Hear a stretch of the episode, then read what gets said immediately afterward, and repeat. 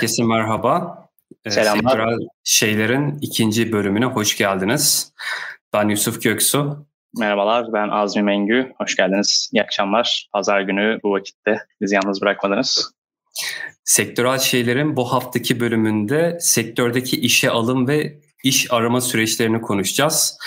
Ee, hepimiz için çok faydalı bir konu olduğunu düşündük. Bu e, geçtiğimiz iki hafta boyunca da hem Azmi'nin hem de benim e, işe girme süreçlerimizle alakalı bazı gelişmeler oldu. Bunun üzerine dedik ki e, biz bu konuyla alakalı bir e, yayın yapalım. E, bu arada e, sektörel şeyleri sadece YouTube'dan değil iTunes Podcast'ten ya da Spotify Podcast'ten dinleyebilirsiniz.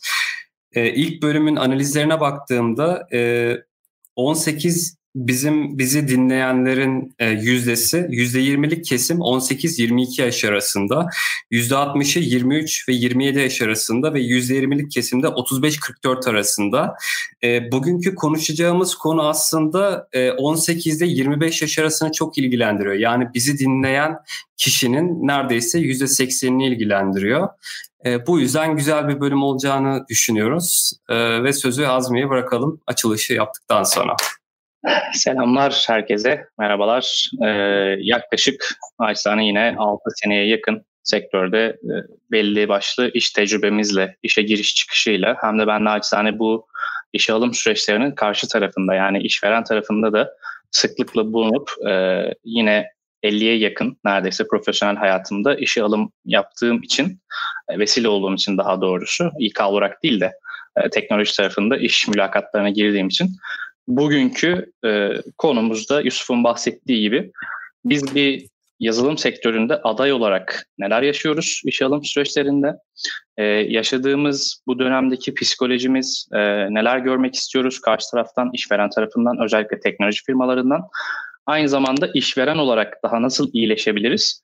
E, bugün bunlardan konuşacağız. Konuşmanın en başında belirtelim. Hiçbir firma isme verilmeyecek, hiçbir isim geçmeyecek. Tamamen e, biz burada bir şeyleri iyileştirmek, e, yapıcı hale getirmek amacıyla konuşuyor olacağız. Çeşitli bizim hoşlanmadığımız örnekler vereceğiz çünkü iş görüşmelerinde duyduğumuz veya bize sorulan sorularda buna bağlı olarak bunu söylüyoruz. Yorumlarda lütfen firma ismi istemeyin arkadaşlar. Evet, evet.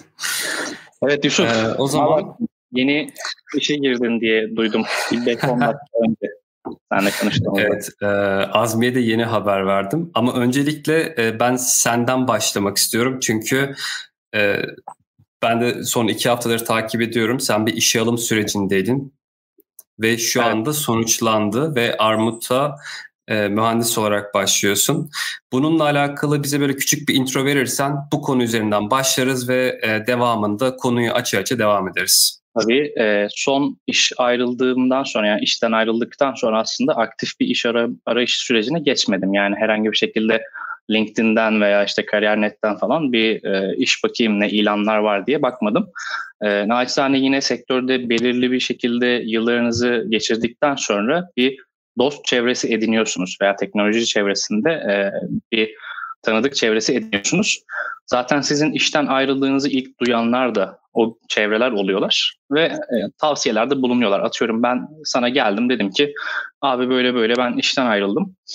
Aa süper olmuş falan diyorsun çünkü diyorsun ki işte benim bir X arkadaş firmam e, şu anda tam senin kalifiyende arkadaş arıyor ekibine katmak için. Hemen onlarla görüş diyorsun. E, senin gibi bir de 5-6 tane arkadaş oluyor bunları bu tarz tavsiyeler veren. E, o saatten sonra artık böyle 5-6 senelik tecrübeden sonra çok böyle LinkedIn'de kariyerde gezineyim de aman iş ilanları neler varmış bakayım oralardan başvurayım sürecine girmiyorsun. Ee, bunu şunun için söylüyorum. Hepsi burada ya başvurdum mesela tamam mı? İlk işten ayrıldım. Görüşelim diye başvurmuştum. LinkedIn'den başvurdum. İki gün önce falan şeyi gördüler. Benim statüyü gördüler başvurduğumu. Ne demek evet. istediğimi çok iyi anlamıştır hem dinleyenler hem sen. Ya hepsi burada da arkadaşlarım var, menajer arkadaşlar var. Onlara söyleyebilirdim. Ee, hani böyle böyle benim bir iş arayışım var. Süreci hızlandırmak için bu şekilde bir hareket yapabilirdik ama e, hepsi buraya da ve işte sahibinden bu gibi şirketlere de e, LinkedIn üzerinden başvurma yoluna doğru gittim. Görüşelim. En azından ben iş görüşmesinde bir e, o tecrübe edineyim karşılıklı bir tecrübedir bu. Aktif çalışan arkadaşları da hiç çekinmeden tavsiye ediyorum. Mustafa Samet 3 gün firma geçmeyecek ismi demiştik. Kötü bir şey söylemediğimiz için. Çünkü kötü söyleyeceğimiz şeylerde firma ismi geçmeyecek. Bunu bir örnek olması açısından verdim hepsi burada örneğini. Çünkü normal başvuran olarak gittiğinizde gerçekten LinkedIn üzerinden başvurduğunuz ilanlara minimum 15-20 gün içerisinde görülebiliyor arkadaşlar. Bunun sebebi ise 10 bin kişi başvuruyor. Yani 10 bin kişinin içerisinden Aa bu Yusuf hemen işte Yusuf'la görüşelim diye tat diye ilk sırada önünüze düşmüyor. Böyle bir algoritması yok LinkedIn'in. Ee, biz de atıyorum X şirketinde çalışırken ben Breezy'den ilanlara başvuru geliyordu. 3000 tane, 4000 tane. O aşama dediğimiz işe alım sürecinde aslında bu aşamalardan da bahsedelim Yusuf. Phone screening diye bahsedilen e, aslında iki screening var. Bir tanesi direkt ilanı screen etme yani ilanı göz ucuyla bakma. E, abartısız söylüyorum 15-20 saniye falan bakılıyor gerçekten. Ee, evet. O yüzden evet, tavsiye de verebiliriz bu şeyde. CV'lerin nasıl evet. olması gerektiğiyle alakalı. Evet. Hatta yayın sonrası örnek CV falan bile paylaşabiliriz.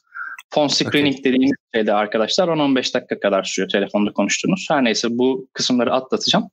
Dediğim gibi bu dost çevresinden benim de yine aynı şekilde hem Twitter'dan olsun hem böyle e, daha öncesinde yayın yaptığımız, onların da bizim komitede yayın yaptığımız arkadaşlardı. E, benim için de bu saatten sonra güvenilirlik büyük ölçüde önem arz ettiği için e, hem takım çalışma ortamı hem yaptıkları iş babıyla hem de içerideki insanların doğruluğu babında ben aslında çok fazla sağa sola gözümü çevirmedim. Başka firmalarla da görüştüm evet ama böyle düzgün dedim ki e, isterlerse onlar da istiyorlardı ben de istiyordum. Dedim ki Armut'la iş görüşmelerine gireyim. E, bir iki haftalık süreç oldu. Onun sonunda da karşılıklı sıkışarak e, evet. önümüzdeki işte Şubat'ın ikisinde başlamış olacağım. Böyle. E, o zaman şöyle yapalım. Çünkü biraz konuya balıklama atlamış olduk. Konuyu öncelikle bir kategorize edelim. Evet, evet. Ee, iş, dedik. Evet evet. Şimdi o zaman iş arama ya da işe e, başlama proseslerini ikiye ayıralım. Biri başlangıç seviyesi için bir de tecrübesi olan ve tecrübesi olan insanların başlangıcında neler yaşıyorlar diye. Çünkü ikisinin işe alım süreçleri baştan başa farklı. Şimdi e, öncelikle e, başlangıç seviyesindeki yani üniversite okuyan, üniversiteden yeni mezun olmuş ya da e, hani bir iki e, yıllık tecrübesi olan arkadaşlar bir işe başvurduğu zaman e, nelere dikkat edilir? Bununla başlayabiliriz. Buyursan başla ben bir yandan YouTube komentlerine bakıyorum. Bir sonraki Okey. Okey. Okey. İlk başta e, çok fazla CV e, geliyor. E, benim kendi kurduğum şirkette de e, bir dönem e, bir arayışa girmiştik. E, orada e, frontend'de işte mid level ya da e, başlangıç seviyesinde bir e, yazılımcı arkadaş arıyorduk. E, ilk başta birkaç ilan sitesine ilan verdikten sonra çok faydalı olmadığını gördüm ve sektörü kısaca araştırdım ve Kod İlan diye bir web siteye e, denk geldim. Kod İlan sanırım e, Emir e, Karşıyakalı'nın kurduğu bir... Evet. Aynen, kurdu işte. Evet. E, oraya ilan verdikten sonra oraya e, gençler, üniversiteden yeni mezun olanlar e, çok kullanıyorlar ve bana bir anda topluca mail gelmeye başladı. Şimdi orada dikkatimi çeken bir şey vardı. CV'lerin neredeyse %85'i çok başarısız. Şimdi başarısızdan kastım içeriğinden yani konteksten bahsetmiyorum. CV açtığım zaman CV kesinlikle PDF değil. E, DocX ya da Doc formatında gönderilmiş ve başlangıçta o fontlar ee, başlangıçta o fontlar böyle gözünüze çarpıyor. Çünkü fontla 3-4 tane farklı font kullanılmış. E, fontların büyüklükleri bambaşka. Zaten bir kişi sizin CV'nizi açtığı zaman maksimum 15 saniyeniz var onun e, dikkatini çekmeniz için sizin orada ilk yapmanız gereken işe başvuruda çok düzgün bir CV hazırlamak. Bunun için internette bazı e, CV hazırlama web siteleri var zaten. Böyle template'lerden kopya çekebilirler. Bu başlangıçta size zaman kazandırır. Çünkü başkalarının üzerinde düşünerek hazırladığı CV'leri kopyalamak e, her zaman daha iyidir. Çünkü onlar bazı analizler yapıyorlar. İşte 15 saniyede dikkatini nasıl çeker gibi. E, bu arada şey de görüyorum e, yabancı ilanlarda hiç, hiç yani CV'lerde hiç e, resim görmedim. Bizde ama bir vesikalık fo- koyma durumu var böyle üç tane yanına sıkıştırıyorlar gibi. E, CV'ye vesikalık koymak burada çok doğru değil. Hatta bunu e, yurt dışında yaparsanız kısmen e, yani e, ırkçılık olarak da algılanabilir. Bunu ayrı olarak değerlendirebiliriz sonra. Sadece e, üzerinden geçeyim. Çünkü orada sizin e, yani qualification e, daha önemli. Sizin neler yapabildiğiniz daha önemli. Sizin görüntünüzden ziyade. E, o yüzden ben, fotoğraf koymayın lütfen. Ben ilk mezun olduğumda böyle şey diye koymuştum ya eli yüzü düzgün çocuk bununla bir görüşelim. vesikalık fotoğrafımı hatta halen daha LinkedIn'deki profil fotoğrafım var. O vardı şeylerde CV'lerde ama son 3 senedir falan ben de kaldırdım. Tamamen dediğin sebeplerden ötürü ki çoğu büyük startupta da e, bunun kararı alınmıştı. Yani bize bu tarz CV'ler geldiğinde tabii ki ayıplamıyoruz. Tabii ki şey yapmıyoruz. Çünkü Türkiye'deyiz abi. Yani Türkiye'deyken evet. Türkiye'de evet. Türkiye'ye göre CV gelir. Ben orada işte CV'de fotoğraf koydu diye kimseyi eleyecek halimiz yok. Yani orası ayrı bir konu ama bahsettiğin gibi globale çıkıyorsa bu arkadaşlar globalde bir iş yapmak istiyorsa dediğin tarzda evet CV'lerden bu şeyleri artık kaldırmak gerekiyor. Evet, ikinci önemli konu özet kısmı koymak CV'nin başına. Ne demek istiyorum? Zaten CV'nize bakan birisinin 15 saniyelik bir dikkat süresi olduğunu göz önüne alırsak oraya bir özet koymanız lazım şık bir şekilde. Bunu nasıl yapabilirsiniz?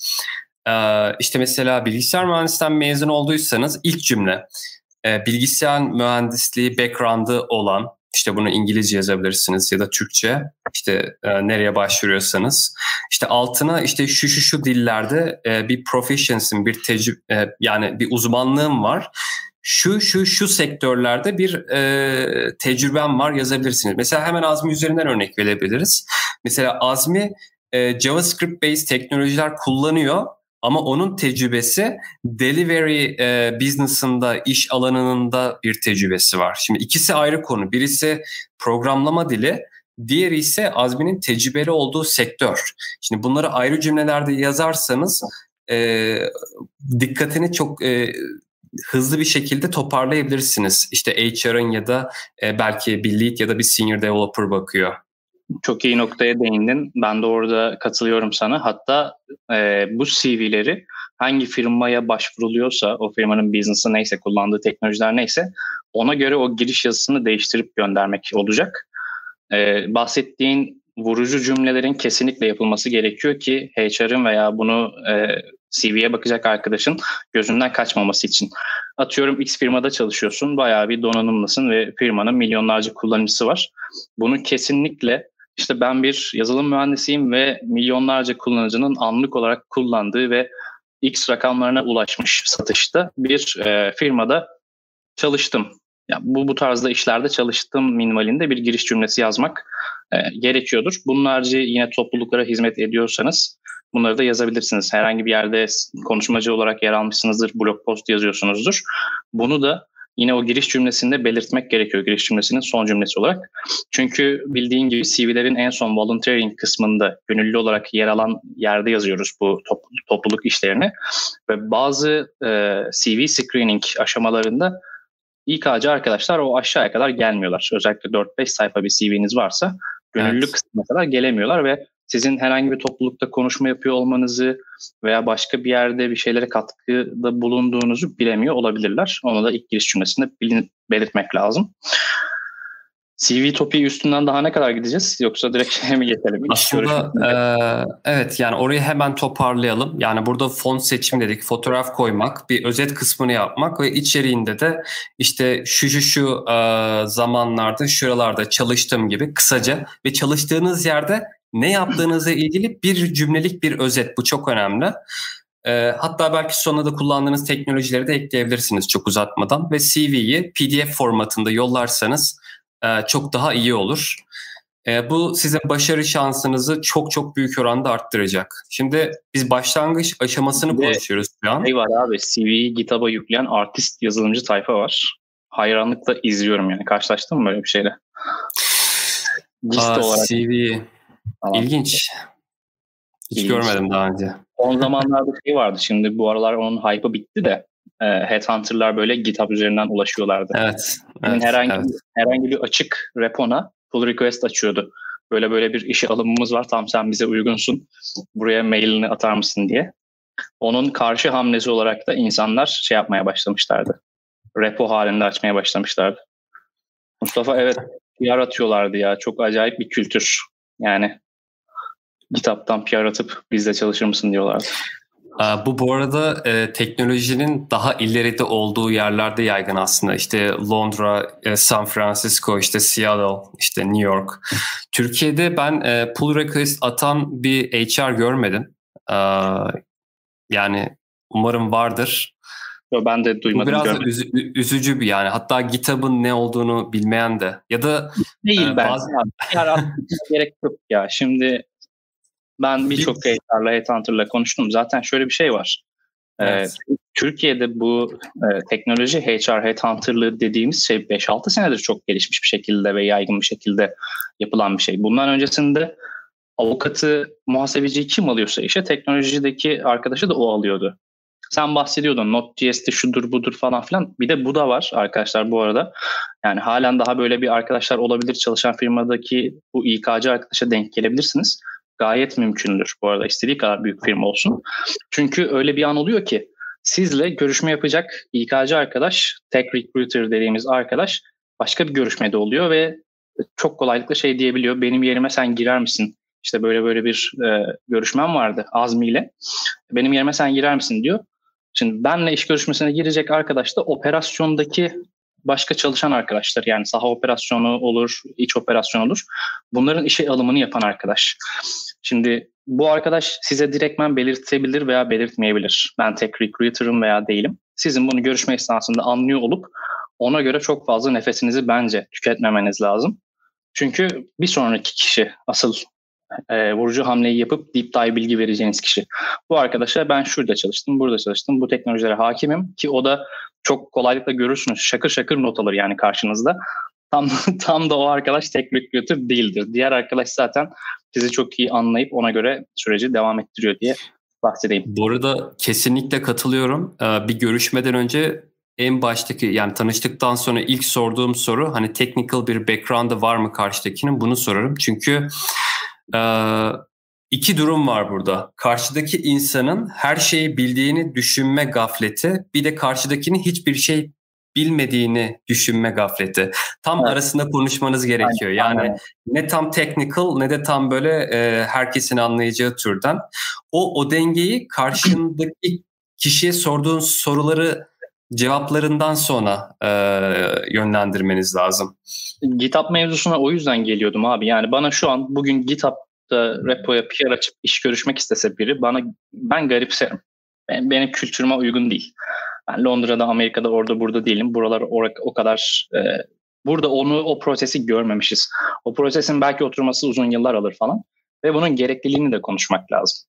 Yani bu kadar fazla e, telefonla, LinkedIn'den, mesajla, Gmail'le ulaşılabilen bir yerde ya her yerden yazıyorsunuz zaten. GitHub'dan da yazmayı ver, GitHub'dan da PR açmayı ver. Yani ben şey olmam bu arada. Wow bana GitHub'dan PR açmış.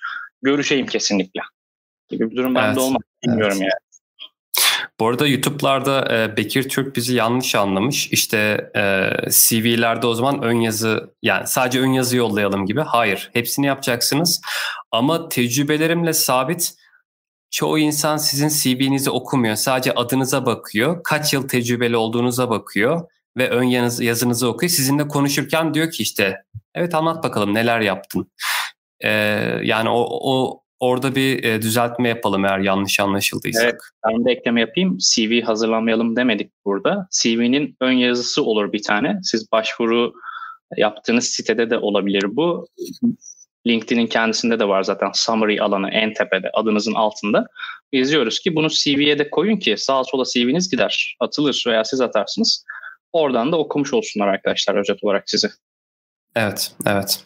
E, bu arada güzel sorular geliyor. Bunun yayının sonuna doğru hepsini cevaplayalım. Evet. E, şimdi bölünmeden.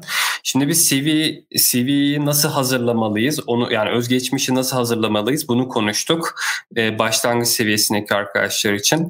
E, konuşurken hangi soruları sormalıyız? Bunu da konuştuk. Sence burada tamam mıyız? Eğer tamamsak artık mid level ve senior level'dakilerin e, görüşmeleri nasıl olabilir? CV'leri nasıl olabilir? Bu süreçler nasıl ilerliyor? İşte bize e, hani biliyorsun e, e, tek yani e, mühendis sayısı belli bir sayının üzerinde olan şirketlerde bazı işe alım süreçleri var. İşte telefonla arıyorlar. Bir karakterini e, öğrenmek için işte uyumlu mudur vesaire. Sana bakıyorlar. Aynen. Serseri misiniz, it misiniz, kopuk musunuz, dolandırıcı mısınız? Bunu telefonda 10 dakikalık bir konuşmada herkes anlayabiliyor bu arada. Hani çok var ya arkadaşlar herkesten duyuyoruz yani. İnsanı arıyorsun karşıdaki arkadaşı. Sallayarak konuşuyor mesela. Yani sallayarak dediğim öyle lavabali bir şekilde. Hani zaten şu an pandemi dönemindeyiz ya bir de. Bütün şirketler deli gibi yazılımcı arıyor. Yani o kualifikasyonda kalitede olabilirsin olmayabilirsin. Ama yazılımcısın yani biz gün sonunda ekmeğimizin peşindeyiz. 70 tane yerle görüşüyor olabilirsin ama gerçekten artistlik seviyesinde görüşme oluyor. Phone screening'de kaliteli firmalarda çat diye eleniyor bu arkadaşlar. Ondan bahsedeyim. Konuyu çok dağıtmayalım. Sen mid, evet. e, senior seviye arkadaşların görüşmelerinden bahsetmiştik ama junior evet, seviye arkadaşların evet. CV'lerinde neler yapması gerektiğini söyledin. Bunların iş görüşmesinde nasıl olması gerektiğini söylemedin. Bak Erdem'den hemen şey geldi. Junior, mid, senior ayrımını neye göre yapabiliriz diye. İçinde nasıl hissediyorsan junior, mid, senior seviye. Bana Aslında göre bunun... ne, ne yaşa bakılan bir şey. Junior, mid, senior hepimiz kendimizin hem junior'ıyız hem senior'ıyız. Öyle söyleyebilirim yani çeşitli konularda. Bu arada ben e, yeni liseli arkadaşlara bakıyorum. Mesela geçenlerde gördüm daha lise 2'ye gidiyor. E, canavar gibi yurt dışına iş yapıyor falan. Böyle iki tane dili çok iyi biliyor. Projeler geliştirmiş open source. Şimdi kendime sordum yani bu bu arkadaş üniversiteden mezun olduğu zaman büyük ihtimalle junior diyecekler. Halbuki belki oranın CTO'sundan daha e, teknik olarak ileride olacak. Yani orada kesin bir ayrım yok. Bu tamamen e, göreceli. İşte sizin e, kaç yıl e, tecrübe sahibi olduğunuz, e, ya da yani hem profesyonel olarak hem işte belki open source projelere katkınız, belki freelance yapmış olabilirsiniz. Farklı farklı. Kesin bir cevabı yok. Evet, bizim buradaki junior e, katmanımız, Elias'ımız şey olacak. Sektördeki yıl bazında olacak. Ki yeni girilen bir sektördeki iş görüşmeleri üzerinden ve işte 10 sene sonraki arkadaşların yaptığı iş görüşmeleri üzerinden konuşuyor olacağız. Evet. Bu arada bir be, yani backend yazan biri olarak alias dedin. Ee, gerçek hayatta bile bazı şeylere alias koyuyorsun galiba. Tabii tabii. Koyacağız yani şeyi aklıma gelmiyor. Çok kusura bakmasın arkadaşlar. Twitter'da bazen böyle küfrediyorlar ama Türkçe, İngilizce konuşuluyor falan filan diye yapacak bir şey yok arkadaşlar. Yani evet. 7-24 bilgisayarın başında İngilizce ana dilli bir iş yapıyoruz. Öyle yapınca evet. bazı şeylerin Türkçe kavramlarını çok kolaylıkla unutabiliyorsunuz yani. yani ya bunu herhalde... neye nazaran söylüyorum. O kadar edebiyatla şununla bununla vakti zamanda içli dışlı olmama rağmen o şeyi kaybettim yani. Skill seti kaybettim. Burada yetenek demek yerine önce skill set demeye gidiyor ağzım anladın mı Yusuf? Bu sende daha yani çok çünkü mesela, sürekli evet. Londra'ya iş Evet evet yani benim bir gün boyunca hiç Türkçe konuşmadığım gün sayısı çok fazla. Ben bunu son bir senede fark ediyorum. Haliyle pandemiden dolayı zaten evdeyiz. Hani sadece e, online görüşme yapıyorsunuz vesaire. Haliyle e, o te, teknik kelime kullanımı çok farklı. Zaten bu teknik kelimeleri e, Türk Dil Kurumu yeni bir e, kelime bulmak isteseydi sadece AWS'e zaten bir departman ayırmak zorunda kalırdı. Her sene çıkarttıkları teknolojiler için. Ya ben konuyu dağıtmadan bir tane örnek vereyim. Komik diye okay. vereceğim. Bir tane üniversitedeyken kitap almıştım. Java kitabı böyle. Bayağı bilinir bir kitap. Türkçe çevrimi ama. Bir chapter'a kadar geldim abi. Şey yazıyor. Karakter Katar'ı yazıyor tamam mı? Ulan bütün chapter'ı okudum. karakter Katar'ı şudur budur işte tanımlamalar var falan. Ben de hiçbir şey bilmiyorum tamam mı? Array'dir, şudur budur. Okuyorum okuyorum okuyorum nedir? Ya meğersem yapıyormuşum ben bir yıldır array tanımıymış o. Aşağıdaki karakter katarı dediği şey. Array'e obje assign ediyormuş falan. Ama Türkçe olunca Abi yazılım dilini unutacaksın. Sıfırdan öğreneceksin. Çünkü inanılmaz başka terimler. Karakter katarı nere, ereği nere yani. Sonrasında Aynen. dizi diye çevirdiler tabii onları. Diziler yaptılar da. Her neyse biz şimdi neresinden başlayalım konunun? İşveren tarafından mı? Şey tarafından mı? Şöyle e, başlangıç seviyesindeki arkadaşların yoksa bana işte yakın zamanda Jason nedir diye sorulan iş görüşmemden mi? Arkadaşlar şimdi yine sektöre yeni başlayan arkadaşlara sorular gelecektir bu tarz iş görüşmelerinde. Bana değil bir evet. arkadaşıma geldi tabii. Bana da geldi. Bu üç aşağı beş yukarı aynı soru. Jason nedir? Jason nedir? JavaScript Object Notation. Sonra what's next oluyorsun abi. Yani benden nasıl bir beklentim var? Jason'ı ne kadar açmamı istiyorsun? Jason'ı sana tanımımı yapayım. Yani bunları anlatıyor olması lazım ki karşı tarafın ben e, kendi teknik kabiliyetimi geçirebileyim. Belki eksiğimdir onlara göre, belki yanlışımdır falan. Bunu tam olarak bilmesi, bilmek için diyecek ki karşı taraf bana kardeşim ben sana Jason nedir diye soruyorum. Çünkü birazdan sana Jason'da bir şeyler tanımlatacağım. Tamam eyvallah ama yani Wikipedik bilgiler tarzında e, açıkçası ben hoşlanmıyorum. Bana X tanımı nedir, Y tanımı nedir? Ya oturalım şurada 10 dakika Google Search'ten sana istiyorsan querying teori dediğimiz kuyruklama teorisini de okuyalım, öğrenelim yani. Onda sıkıntı yok.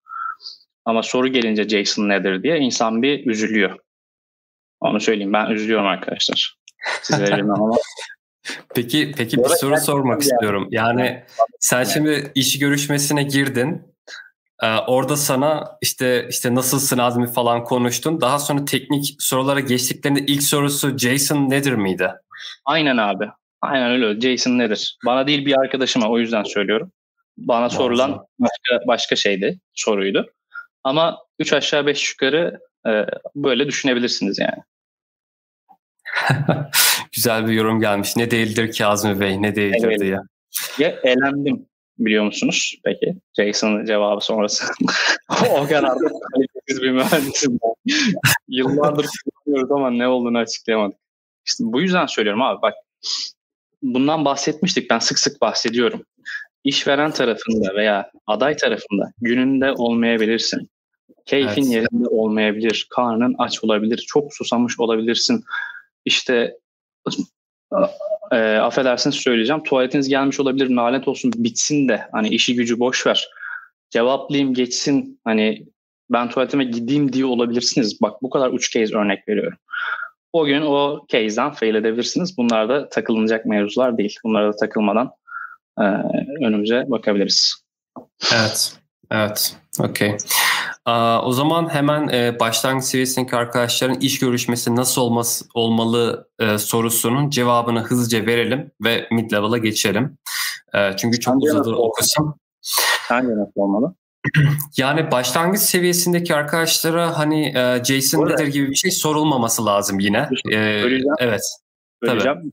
Birinci bölümü izlememiş arkadaşlar için bir info olsun bu da. Hani bilgi verelim. Biz böyle Yusuf'la kendi aramızda sohbet muhabbet ediyormuş gibi siz de böyle hep beraber etrafımızda sohbet ediyormuş gibi konuşacağız. Burada hani nasıl olması gerekiyor sence dediğim mevzu tamamen Yusuf'un ve benim düşüncem. Bu evet, kayıtlı evet. bir yerde bu şekilde yer alan bir şey veya bir firma adına konuşmuyoruz. Lütfen yanlış anlaşılmasın söylediklerimiz. Aynen. Böyle bunu, disclaimer diye geçtik şu anda. Bunu bilerek dinleyelim. Buyur abi. Şimdi başlangıç seviyesindeki bir arkadaşa kesinlikle çok ağır bir teknik mülakat yapamazsın. Çünkü adı üstünde başlangıç ve orada senin bakman gereken şey senden kastım burada hani azmiye yönelik değil tabii ki genel olarak konuşuyoruz hepimizin. Bakmamız gereken şey aslında karşıdaki kişinin ne kadar e, o konuda tutkulu olduğu. Bir işi başlayıp sonuna getirebilir mi? O işe başlama konusunda ne kadar tutkulu ve istekli? Çünkü e, teknik şeyler öğrenilir. Yani JSON dediğiniz sorunun cevabı çok basit. Hemen girer. E, 10 saniyede JSON'ın açıklamasını 30 saniyede nerede kullanıldığını vesaire öğrenebilirsiniz. Çok basit bir soru ama orada önemli olan karakter testi. Yani karakter testten kasıt ne kadar istekli, ee, işte soft skill'leri nelerdir? Soft skill'lerin içerisinde ne vardır? İşte takım çalışmasına uygun mu?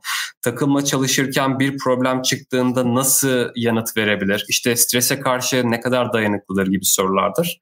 Tabii bununla beraber hiç teknik mülakat yapılmayacak değil. Basic bir şeyler yapılır. Ne sorulabilir? Ee, işte REST API'da bize işte şu şu şu, şu kolların adını işte yani nerelerde kullanırsın diye. Yani çok basit sorular yine sorulabilir. Belki hani Jason nedir değil Onu ama. bana sordular bu arada. yani HTTP nedir? Birinci soru. HTTP'nin metotları nedir? İkinci soru. Options metodu nedir? Üçüncü soru olarak ben geçtiğimiz hafta bir iş görüşmesinde e, bu tarz bir soruyla karşılaştım ve kaldım. Evet. Yani söyleyeyim. Buyur yani e, sonra yani REST... Doğru, evet. doğru cevapladığıma inandığım için yani gurur duyarak kaldım diyorum. Evet. Yani TCP, UDP paket haberleşmesinin nasıl olduğuna kadar anlattım çünkü deep dive. Buyur abi. Evet, evet. Yani şimdi REST e, kolları sorduk. Orada bize eğer çok güzel bir cevap verdiyse e, çok gerekli değil ama belki çıtayı bir tık seviyeye çıkartabiliriz. İşte hani gRPC nedir, GraphQL nedir, REST'ten farklı olarak gibi. Eğer onları da biliyorsa zaten hani e, belki tecrübesi olmamış olabilir bir şey yapmamış olur ama ismen biliyorsa bu onun çok araştırmacı, teknolojilere daha istekli olduğunu gösterir. Yani burada tamamen başlangıç seviyesindeki bir arkadaşa soft skill'lerini öğrenmek için. E, bu arada soft skill'lerin Türkçesini bilmiyorum. Yani e, şimdi hard Yumuşak skill'ler dediğim Yumuşak yetenekler bir de e, sert yetenekler var hard skill'ler. E, hard skill'lerden kastımız mesela işte React biliyor mu, Node.js biliyor mu, biliyorsa nelerini biliyor gibisinden. Soft skill'ler işte takım çalışması, konuşması, iletişimi vesaire. E, mid ve senior level'da daha böyle hard skill'lere bakılırken e, tabii soft skill'ler de çok önemli. E, başlangıç seviyesindeki arkadaşlarınsa soft skill'lerine bakılır çünkü hard, hard skill'ler her zaman geliştirilebilir. Yani yaşın hiçbir önemi yok. E, hatta bir örnek vereyim. Bu Nader Dabit var. E, onunla da görüşmüştüm ben LinkedIn'den bir kere. Çok etkiledi beni çünkü 32 yaşından sonra başladı galiba yazılıma ve şu anda AWS'in AWS Amplify'ın lideri olarak çalışıyor. Hem de e, aynen yani developer advocate'lik de yapıyor. Yani muazzam orada ama onun çok büyük bir artısı var. Yani e, lütfen girin Twitter'dan takip edin. Soft skill'leri yani iletişim becerisi inanılmaz gelişmiş. Asla ve asla size işte eleştirmez. Mesela Amplify ile ilgili herhangi bir tweet atıp kesinlikle e, retweet edecektir. E, hesabınızda bir takipçi olsun ya da bot olsun fark etmez. E şimdi ben o adama baktığım zaman diyorum ki ya tamam hard skill'ler evet önemli ama ilk başta insanlık karakteri olsun ilk başta. Gerisi deva- devamında geliyor zaten. Aynen en büyük özellik bu oluyor yani giriş seviyesinde sektöre ilk başlarken evet. dediğim. Evet. Ee, sen Davran- ne eklemek istersin peki burada? Davranışsal yetkinlikmiş bu arada soft skill dediğimiz şey. Mustafa Samet Üçgen teşekkürler. Süper. Ben senin söylediklerinin üstüne çok bir şey söylemeyeceğim. Gerçekten önemli olanın zaten e, gözü açıklık burada. E, hustler karakter olma yani hırslı, e, azimli karakter olma en önemli şeylerden bir tanesi. İnsani yeteneklerin bir yanını yani iletişim tamam. E, karşıdaki insana e, karşı davranış tamam ama diğer yandan da yaparım ederimci olmak lazım aslında. Yani direkt bilmiyorum deyip çat diye ortadan kesip atmak değil de ilk giriş e, seviyesinde yaparım edim, ederimci olmak lazım. Tabii bu yaparım ederimin de e, verdiğiniz sözün altını doldurmak lazım bir zaman sonra. Eğer o firmaya girdiyseniz veya başka bir yerde dışarıda iş yapıyorsanız. Evet, evet. O zaman burada e, bir virgül atalım, bunu tamamlamayalım ve hemen e, mid level ve senior e, arkadaşların iş görüşmeleriyle ilgili e, konuşmaya başlayalım. E, bu arada mid, mid ve senior level'larda aslında onların başvurusundan daha çok onlara iş teklifi geliyor. Yani benim gözlemim böyle. O yüzden bunu da ikiye ayırmak lazım. İşte hem başvuranlar için hem de iş teklifi gelenler için. Çünkü oradaki iletişim çok farklı oluyor ikisinde de. Ee, buradan aslında sen güzel bir örneksin. Ee, yeni son bu evet, hafta içerisinde miyim? galiba. Her, her zaman hedefinden yapıyorsun. Buyur tamam. bu arada Aynen. ben işveren Halkın sevilen adamı. İşveren tarafında iş mülakatlarına girdiğim kadar aday olarak da iş mülakatlarına girmişimdir.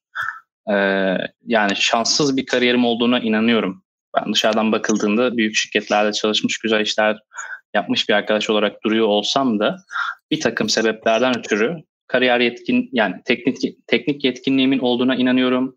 İletişim becerilerim olduğuna inanıyorum. Bla bla bla bla ne kadar sayabilirsen say. Bunların varlığına inanıyorum ama bir şekilde bir yerde bir uyuşmazlık oluyor abi. Yani en azından benim açımdan e, bir uyuşmazlık oluyor. Bir tane arkadaş Twitter e, şeyin altına gönderimin altına yazmıştı da nasıl adapte oluyorsun hani sık işte işliyorsun falan. Arkadaşlar bundan da bahsedelim hazır iş görüşmeleri şeyindeyken yayınındayken yani biz güle oynaya işimizi değiştirmiyoruz. İnsanlar hiçbir insan bu arada istiyorsan kavga et, dövüş et. Hiçbir insan bir yerden kötü bir şekilde ne ayrılmak ister ne oradaki insanlarla kötü olmak ister. Ee, nereden gelecektim konuya burada? Heh. Ben bu bir şey ekleyebilir miyim bu arada? Çok Buyur abi. Önemli, bu sebepten önemli olduğunu evet. Bu sebepten ötürü ben de aday olarak birçok iş görüşmesine girdim. İşe alım yaptığım kadar. Ee, bunlar üzerinden de tecrübelerimizi konuşuruz. Evet, evet.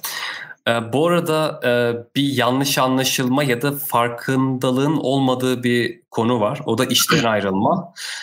İnsanlar siz hata yaptığınız için e, kovulmazlar ya da işten ayrılmazlar. Birileri birilerinden ya da birileri iş yerinden umudunu kestiği için işten ayrılırlar. Eğer herkes bunu düşünürse hiçbir zaman o birileri size hata yaptığı için değil oradan umudunuzu kesmişsinizdir. O zaman e, ayrılırlar. Yani onu onu Çok eklemek Çok büyük. bu bu bir gerçek ama yani hepimiz bir iş yerine aslında evet para önemli ama burada Türkiye'deki e, iş arayan gençlerin ilk aradığı şey para değil. Yani teknik olarak kendini ilerletme ikinci seviyede para geliyormuş. Ve e, buradan ben şunu çıkartabilirim. Demek ki insanlar bir yerleri kendilerine adamak istiyorlar. Çünkü bir sürü iş var yani teknik anlamda çalışıyorsanız, mühendis olarak çalışıyorsanız işsiz kalmazsınız %99. Ama buradaki ayrım e, birinin size daha çok para vermesi değil. Mesela sana deseler ki ya işte A şirketi var altında 100 kişi var işte sana şu kadar iyi para vereceğiz. E, bir de B şirketi var işte yeni bir startup girişimci gençler var 10 kişi var abi takımda müthiş adamlar. Ee, yani çok parası yok. Sana öbür şirketin belki yüzde 25 daha azını verebilirler falan. Ya ben Azmi tanıyorsam büyük ihtimalle ikincisine gider ve ben de oraya giderim. Çünkü bizler kendimizi bir yere adamak istiyoruz. Sen bana asgari ücret verseydin ben gelirdim. Çok samimi söylüyorum. Bu var çünkü gerçekten bir yerden sonra bunu görüyorsunuz arkadaşlar. Şimdi konuyu dağıtmıyoruz aslında. İş mülakatları süreci bahsettik. Çünkü bunun bir kısmında şey de var. Karşı tarafın maaş teklifi sizin maaş beklentiniz var. İyi oldu bu konuya girdiğimiz. Şimdi hem aday açısından hem işveren açısından bunun hangi zamanda olması gerektiğini ben e, naçizane biraz tavsiye niteliğinde söyleyeceğim. Diğer konuya gelirsek gerçekten tamam ay sonunda e, maaşınız çok önemli. Cebinize yatan para çok önemli. Ama şöyle bir gerçek var. 50 bin lira alıyorken de huzurunuz yoksa çalıştığınız ortamda, şirketinizde, birlikte olduğunuz insanlarla emin olun o 50 bin liranın her bir kuruşu o kadar zehir geliyor ki arkadaşlar. Şimdi bu kardeşiniz yaşadı bunu. İşte 80 mi alıyordum, 90 mı alıyordum geçen kişi yerinden. bir buçuk Abi, milyon dolar bon servis ücretiyle. Var ya her bir TL'si zehir burnundan geldi. şu an Allah şükür. Şu an 45 şu an. Şu anda Ama sanırım... bir şey soracağım. Şu anda nasıl peki? Asgari ücret ama sigortayı elden mi veriyorlardı? Şey, o böyle bir şey var ya öyle. Sigortayı elden ne abi? Ben iyice yurt dışına iş yapa yapa unuttum bizim burası. Sigorta elden verilmez. SGK'ya muhabbeti sigortaya kendin sigortanı al kardeşim 500 lira. Evet. Süper, süper. Şimdi hemen konuya geleyim. CV falan çok güzel Aynen. dedin mi? Ben hazırladım abi CV'mi verdim. Şimdi X firmayla 6 ay boyunca görüşme yapıyoruz. Bunlar gerçek bu arada. Ben yapmadım. Ee, öyle bir sürece girmedim daha önce ama girmek istiyorum önümüzdeki yıllarda. Ee, bazı büyük firmaların açıyorum Facebook, Instagram, AWS, bla bla adına ne derseniz deyin. 6 aya varan iş süreçleri oluyormuş diye duyduk. Yapan arkadaşlarımız var. Ee, buralarda atıyorum şeye inanıyorum. Maaş konusunu, cebinize girecek parayı başından konuşuyor olmanız e, gerçekten büyük önem arz ediyordur diye e, biliyorum. Sebebi ise şu, siz 5 ay geçirdiniz, 6 ay geçirdiniz.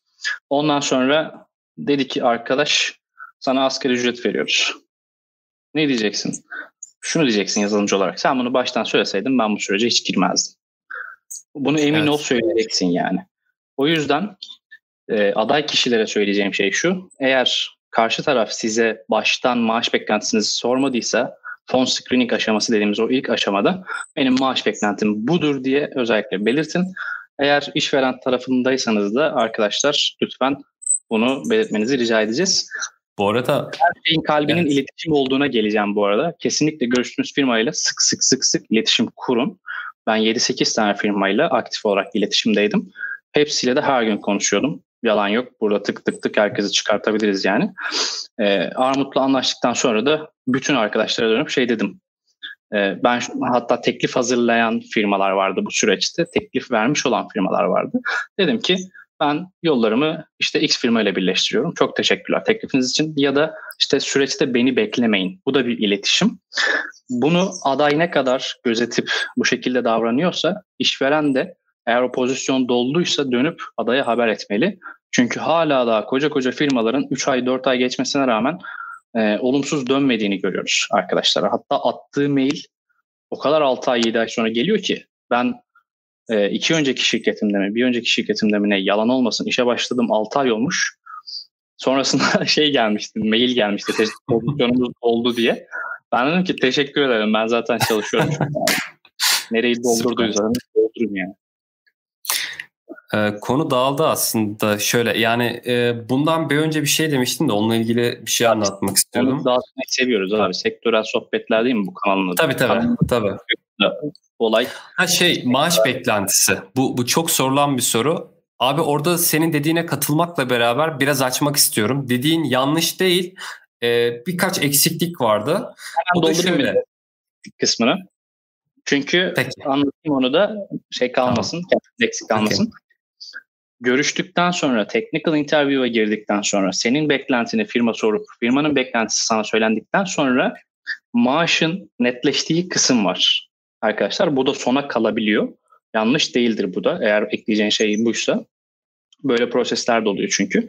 Baştan kafadan gelip de Yusuf Göksu tamam buna 30 bin lira verelim gibi bizim Yusuf senin için ayırabileceğimiz bütçe 30 bin gibi bir şey olmuyor. Ee, herhangi bir maaş prosesi olmuyor orada yanlış anlaşılmayayım. En azından ama senin karşı tarafa ya benim minimumda maaş beklentim budur diyebileceğin bir prosesten bahsediyorum. Karşı taraf bunu söylemese de olur yani. Evet. Onunla ilgili de e, şey olmuştu. Son zamanlarda gelen bir teklifte verdiğim maaş işte orada 5 kişi çalışıyormuş. 5 kişinin toplam maaşına denk geliyormuş. Adam dedi yani biz seninle anlaşırız kanka herkesi kovacağız dedi yani.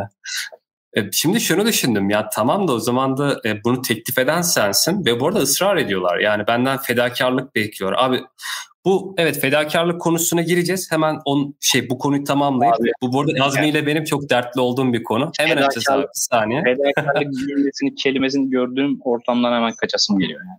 Şimdi um, bu maaş beklentisinde benim bir metodum var. İlk başlangıçta da böyle yapmıştım ve nokta atışı tespitler yaptığımı düşünüyorum. Çünkü basit bir formülü var e, birçok insanın uyguladığı. Siz eğer yeni başlıyorsanız ve tecrübeniz yoksa maaşı konuşmayın. Ama iyi bir yerle e, konuşuyorsanız, karşınızdaki muhatap iyi bir reputasyonu olan şirketse, ya bunu zaten adamın giyiminden, kuşamından, e, size hitabet şeklinden, maillerinize nasıl döndüğünden anlarsınız. Ve e, size maaş beklentisi sorulduğunda başlangıç seviyesindeki arkadaş şöyle yapmalı. Bir iş remote mu on-site mi? Yani on-site'den kastım ofiste mi? Ofiste diyelim. Nerede yaşayacak? Ankara, İstanbul, İzmir. İstanbul diyelim. İstanbul'un neresinde ofis? E, diyelim ki e, Kabataş'ta ve e, sen nerede yaşayabilirsin? İşte mesela Anadolu'da yaşayabilirsin. İşte Üsküdar'ın sahili olur, Kadıköy olur vesaire. Şimdi buralara bakıyorsun fiyatlandırma şu anda fiyatlar çok daha yüksek e, ama benim kendi İstanbul'da yaşadığım zamanı e, oranla konuşalım. Büyük ihtimal evin e, kira artı aidat vesaire giderleri 2500 liradan daha fazla olacak ama 2500 diyelim. Şimdi üçte bir kuralı var. Senin... E, seni hemen yalanlayacağım. Bak ben neredeyim abi? Hı. Üsküdar tarafındayım. Şimdi bu eve gözüküyor mu kamerada? Köprü. Yok ama ha, aynen görünüyor. Gördün değil mi? 2000 lira abi buranın kirası şu an. Aa. Şöyle İlginç. ekranımı da şey yapayım. Okey. Okey. Seni okay. yani... içimden geldi. Hani köprü okay. manzarası var da 100 bin lira kira vermiyoruz diye insanları da şey yapayım. Yani zaten 100 bin lira da olsa senin herhalde aylık maaşının yarısına falan mı denk geliyor? Yani üçte biri falan galiba. Okey. Şimdi üçte bir kuralı var. O da şu sizin yaşam giderlerinizin tamamı maaşınızın üçte birini geçmemeli. Yani siz 2500 lira eve veriyorsunuz. Alışveriş işi şuydu buydu diyelim. Sizin aylık e, harcamanız totalde e, 4000 liraysa sizin 12 bin lira bir maaş beklentiniz olması gerekiyor. Yani bunu net söylüyorum. Tabii tek başınıza yaşadığınız vesaire varsayıyorum. Bir de e, eğer o şehre yeni taşıyorsanız işte relocation yani taşınma desteği falan da olmalı. Fakat bunlar Türkiye'de biraz zor. Hani özellikle başlangıç seviyesindeki arkadaşlar için. E, o konuyu öyle kapatabiliriz. Fedakarlık kısmına gelelim. Hesap yaptım ben anlamadım zaten. Şimdi şeyi soruyorum. İstiyorsam aşiret olarak yaşıyorum. Benim maaş beklentimle ne alakası var şeyin? Ee, bu bu bir, bir soru geldi bu arada. Yani beklentimi bilmiyorum nasıl hesaplayabilirim gibi. Basit bir yani? Tabii tabii yani basit bir kural var aslında orada. O kuralı uygulayarak işte artı eksi bin iki bin lira oynatabilirsiniz. Bunu şundan diyorum siz zaten kendi maaşınızı biliyorsanız bu söylediğim şeyi unutun. Ee, ona diyecek bir şeyim yok. Ama hiçbir fikriniz yoksa e, bu size başlangıç için bir yol gösterebilir. Yani bu çünkü bu genel bir formül var. Nerede yaşadığınıza ve işten bağımsız olarak her yere uygulanabilir. İkinci kısma geçelim, fedakarlık kısmı. Şimdi Türkiye'de bu gördüğüm bir olay. İşte ya sen gel bizim şirketimize zamanını işte para zamanından, parandan, yaşından, stresinden, sağlığından fedakarlık yap. Niye? Beni zengin et. Diyor ki işte ben sana 3 kuruş para vereyim. Gel benim şirketime çalış. Sana hiçbir benefit de vermeyeyim. Ee, hiçbir title'ını yükseltmeyeyim. Hatta teknik anlamda da seni dar bir yere sokayım. Gelişmene de izin vermeyeyim. Ve şöyle böyle vesaire. Ya sen şimdi Londra'ya iş yapıyorsun da biz Türkiye'deyiz hala 83'te izliyor başımızı yakacaksın. Şimdi bizim burada edeceğimiz cümleler yok bu arada şaka yapıyorum işin esprisi bir yana. Fedakarlık kelimesini açarsan onun üstüne bayağı konuşacağımız şey var. İngilizcesiyle sacrifice. Şimdi İngilizce sacrifice diye baktığımda iş korkunç bir şey aslında değil mi? Fedakarlık dediğim şey. Yanlış mıyım? İngilizcesini yanlış mı söyledim? Sacrifice dediğim şey. Kurban. Mi? Fedakarlık, kurban gibi anlamları var. İngilizce söylendiğinde ürkütücü ama bizde Türkçe'de fedakarlık dediğin şey yine abi sanki böyle çok olumlu bir şey gibi oluyor. Ya bize fedakarlık göster. Çünkü ağız alışkanlığı yani. Sokak dilinde de yaptığımız yani bir fedakarlık yap falan filan gibi. E, vakti zamanında çok fedakarlık yaptık. İyi ki de yapmışız. E, o fedakarlıkları yaptığımız için bugün buradayız ama e, firmasından firmasına, insanından insanına değişiyor. E, fedakarlığın ne boyutta olduğu da var. Ama gün sonunda Yusuf'un dediği gibi yani siz de aynı şekilde o verdiğiniz fedakarlığın karşılığında bir şey görmüyorsunuz. Üzülen siz oluyorsunuz gün sonunda. Böyle de bir şey var, uç nokta var.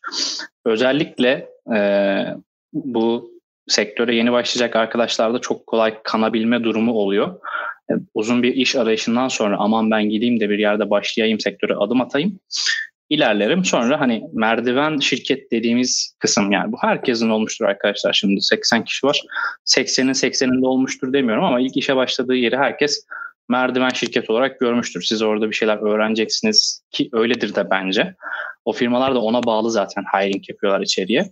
Diyorlar ki burası senin kariyer adımın için bir basamak.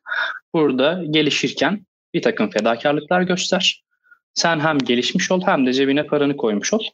Ee, bundan sonra başka bir şirkete zıplarsın zaten diye karşılıklı anlaşma yapıyorsun.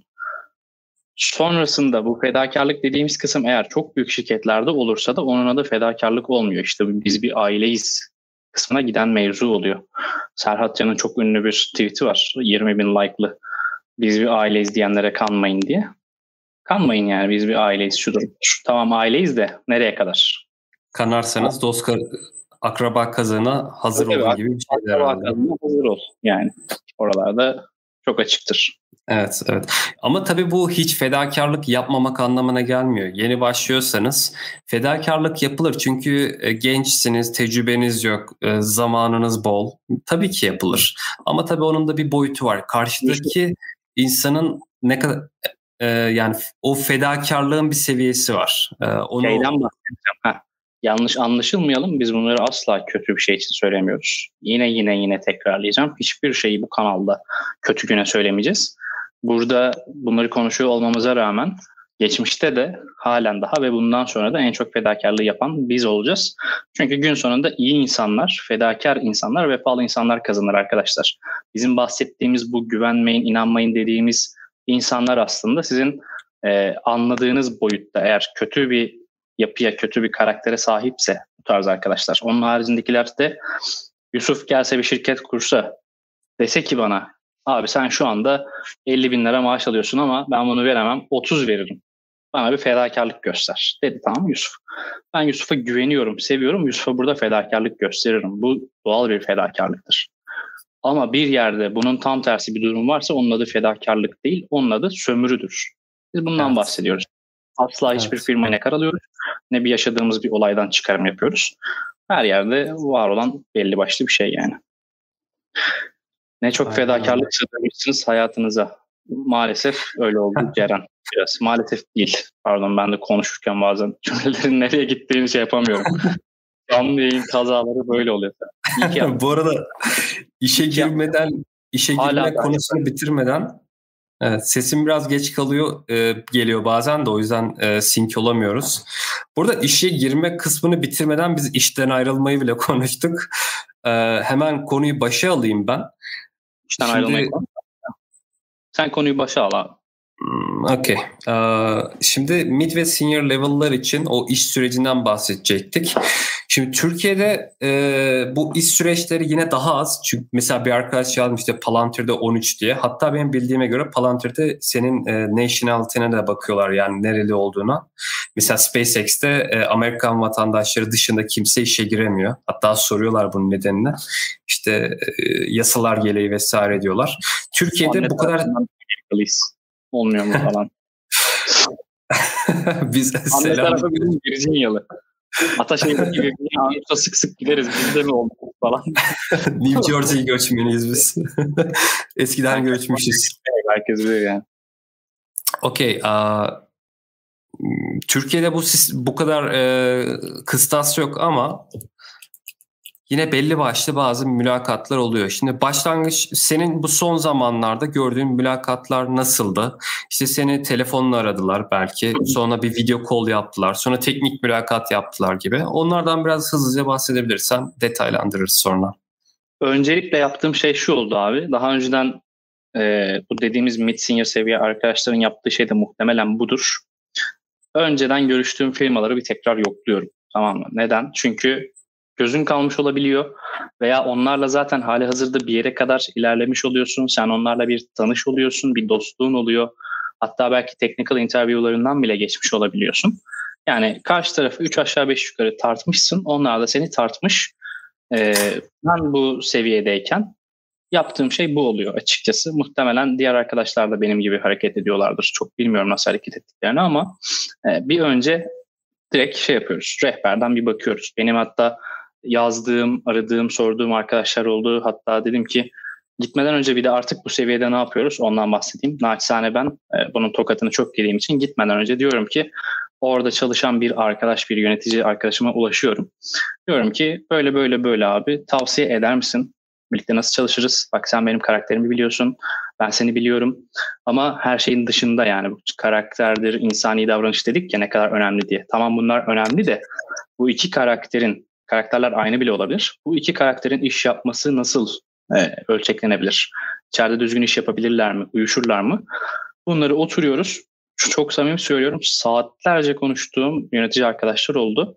Saatler sonunda hem o benim faydama hem ben onun faydasına feedbackler verdim. Bazılarıyla ilerledik. Bazılarıyla dedik ki yok abi ben şey yapmayayım.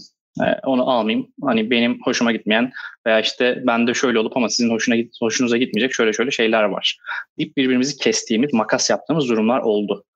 Bu seviyede bunlar e, gayet oluyor. Onun haricinde e, technical interview kısımlarından bahsedelim. Yani gerçekten başvurduğunuz skaladaki firmaya göre hardcore bir interview'a giriyorsunuz. Ben e, bundan 8 ay önce yanlış hatırlamıyorsam Udemy ile bir interview'a girdim. Bu bahsettiğim bütün aşamalardan geçtim bu arada. Phone screening'den tutun da işte bilmem ne aşamaları falan filan böyle 6-7 günlü. Çünkü ben petim iki kere değişti. İlk de böyle managerial pet'te girmiştim. Ondan sonra engineering manager pozisyonunda.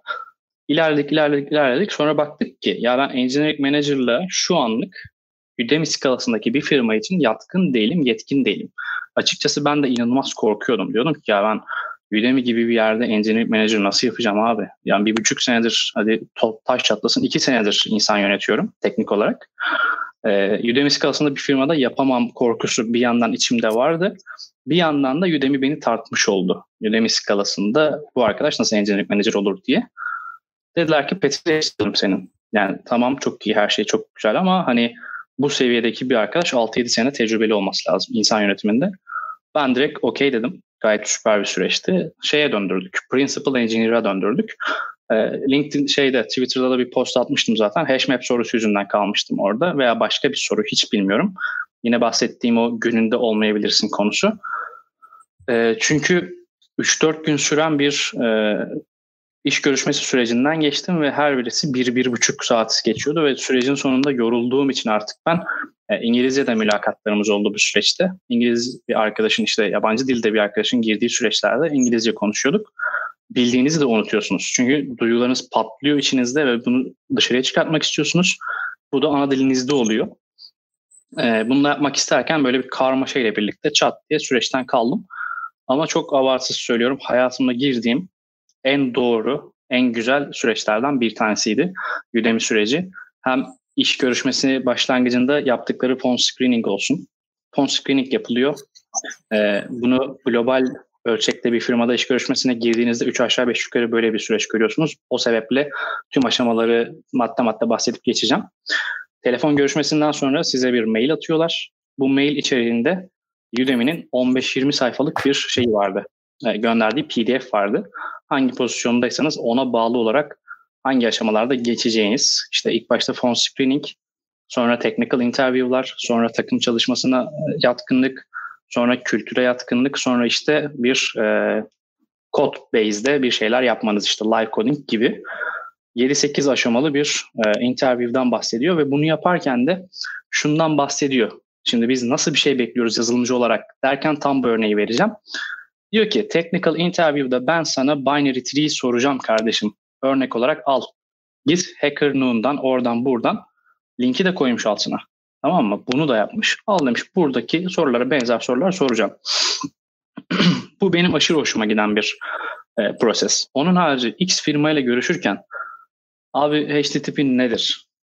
Denmesi zank diye denmesi bunun bir de hani konuşurken konuşurken sohbet muhabbet ettik hadi technical interview'e geçelim sence HTTP nedir denmesi benim çok böyle e, evet bu doğru bir yöntemdir diyebileceğim bir nokta değil. Buradaki e, trade-off'u inşallah yapabilmiştir hem arkadaşlar hem sen. Evet, evet.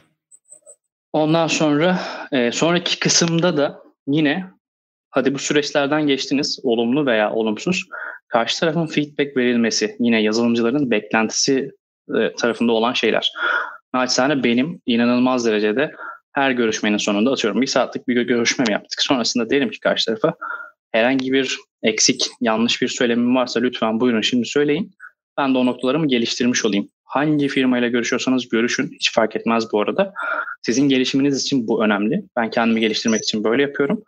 Yine diyorum yanlış şeyler söylemiş olabilirsiniz, eksik söylemiş olabilirsiniz, bilmiyor olabilirsiniz. Karşı taraftan o an öğrenin. Ondan sonra ya da karşı taraf size süperdin, efsaneydin, güzeldin, çok tatlıydın deyip işte bir hafta sonra abi Jason nedir bilemedin o yüzden biz olumsuz düşünüyoruz diye dönmesin arkadaşlar. Yani böyle bir petten şey yapmayın, geçmeyin diye söylüyorum bunları. Kesinlikle orada sorun, öğrenin yanlışınızı. Oturun çözün. Oturup çözdükten sonra gerekiyorsa istiyorsanız firmayı da tekrar başvurun. Yine Udemy öveceğim ben. Udemy firmasının bu süreçlerini çok sevdiğim için süreçten kaldıktan sonra bana dediler ki abi git bir hafta bu konuya tekrar bak. İstiyorsan seni tekrar alalım sürece. Yani bu büyük ölçekteki bu işe alım proseslerini güzel yapan şirketler bunların hepsine imkan sağlıyorlar. Ben dedim ki ama e, çok uzun zamandır iş görüşmelerine giriyorum. Çünkü bir kafa dinleme zamanı koymuştum kendime o süreçte. İki ay falan bir çalışmadım. Dedim ki çok uzun zamandır iş görüşmelerine girip çıkıyorum. Başka beklettiğim arkadaşlar da var. Ben dedim o taraflara doğru devam edeyim deyip o prosesten ayrılmıştım. Böyle. Evet, evet güzel, güzel, güzel bir özet belki, oldu aslında. Belki güzel bir örnek olmuştur. Hani gerçekten doğru yapılması gereken iş görüşmesinin nasıl olduğu. Çünkü Udemy abi bakıyorsun bu arkadaş nasıl global olmuş, nasıl başarılı olmuş. 2000 tane insan burada nasıl çalışıyor? Bu şekilde çalışıyor arkadaşlar. Yani doğru yapıyorlar evet. bir şeyler. Evet, evet. Bu arada e, ben daha önce yaptığım bir tekniği paylaşmak istiyorum. Eğer e, iş ilanlarına başvuruyorsanız ve dönüş alamıyorsanız, o dönüş oranını arttırmak istiyorsanız ya da net artık iş bulmak istiyorsanız güzel bir teknik olduğunu düşünüyorum. Tek yapmanız gereken bir tane dil seçmek, o dil üzerine çalışıp basit bir uygulamayı open source olarak GitHub'a yüklemek. İşte bu Notepad uygulaması olabilir, işte herhangi bir şeyin uygulaması olabilir. Daha sonra LinkedIn'e giriyorsunuz. Projenizi LinkedIn profilinize de ekliyorsunuz. İşte hangi dille yazdıysanız özet kısmına işte ben bu dille ilgileniyorum gibi İngilizcesini yazıyorsunuz. Daha sonra çalışmak istediğiniz ya da bu teknolojiyi kullanan firmaların içerisindeki e, üst level'daki insanlara LinkedIn'den mesaj atıyorsunuz arkadaşlar. Yani ilanla başvuru değil. Birebir kontak kuracaksınız. Orada hani adam adama markaj denilen bir şey var aslında. Bu, bu işe yarıyor. E, böyle yaptığınız zaman ve güzel bir giriş cümleniz varsa işte merhaba işte bilmem ne bilmem ne bey e, ben bununla ilgileniyorum. Şu üniversitede okuyorum, şu üniversiteden mezunum, şu projeyi yaptım ve sizin şirketinizde e, çalışmak istiyorum gibi bir şey yazarsanız olumlu, olumsuz çok çok çok büyük ihtimal bir cevap alırsınız. Ben burada ilk e, profesyonel iş hayatıma ilk bölümde konuştuğumuz gibi böyle başlamıştım. Yani tabii benim open source projelerim vardı o zaman. Hatta eskiden kalan başka projeler de vardı. O, o açıdan şanslıydım. Ama e, ilk geldiğinde beni takıma hiç sevmemiş. Kim lan bu artist falan demiş böyle. Sonrasında ama en çok sevdiği arkadaş olduk. Yalan mıyız? evet doğru diyor. Ee, bu arada e, Udemy'den aldığım paradan bir kısım e, ben de istiyorum. Güzel oldun. Udemy'den aldığım para reklam için mi? Yok abi ne alacağım? Bak, çok samimi söylüyorum. Hani iyi bir şeylerin e, örneğini verirken firma ismi vereceğiz arkadaşlar. Kötü diye bahsettiğim şeyler de öyle tüy kaka kötülüğünde değil bu arada. Kötü tecrübe onlar. Bu şey örneği evet. gibi. Jason sorulması gibi. Bak sorma demiyorum ama yaz abi interview'da bana gönder bir tane pdf de ki ben sana JSON soracağım kardeşim. Yani şu şu şu örnekleri sorabileceğim. Bak yine çok süper girdiğim bir iş mülakat şeyini vereceğim, örneği vereceğim. Sırf sen reklam yapıyorum algılama diye. Moda Nisa ile girdim. İnanılmaz efsane bir pdf gönderdiler. Hakikaten de şeyi de yazmışlar yani. Ben sana bilgisayar bilimlerinden şunu soracağım. Computer Network'ten bunu soracağım. Bunlara bak. Aynı zamanda testlere çalış diye e, şeyle birlikte case study ile birlikte göndermişler. Aynı zamanda bir case study yapmamı bekliyorlardı. Bu da inanılmaz hoşuma gitti ve Türkiye'de çok fazla firmadan bu kadar profesyonel bir şey görmedim. E, doküman gönderilip işe alım sürecinin başlatıldığı şey görmedim. O sebeple verdim bu örnekleri. Onlardan evet. bahsedeyim. Yavaşça toparlayalım. Sorulara cevap verelim. 80 evet. kişi var biraz daha devam edelim bence. Çünkü şeyi okay. tam anlatmadık. Nelerden hoşlanmıyoruz? Yani case study bana geldiğinde şundan ben hoşlanmıyorum açıkçası söyleyeyim. Java diliyle Amazon'a deploy edilmiş bir şekilde olsun bana. Yani o, o adamı zaten bulabildiysen direkt al içeriye. Interview'e atmana gerek yok. Yani aslında o interview şeylerinde, proseslerinden ne denilmesi gerekiyor abi? İstediğin bir dilde, OOP olur, scripting language olur fark etmez.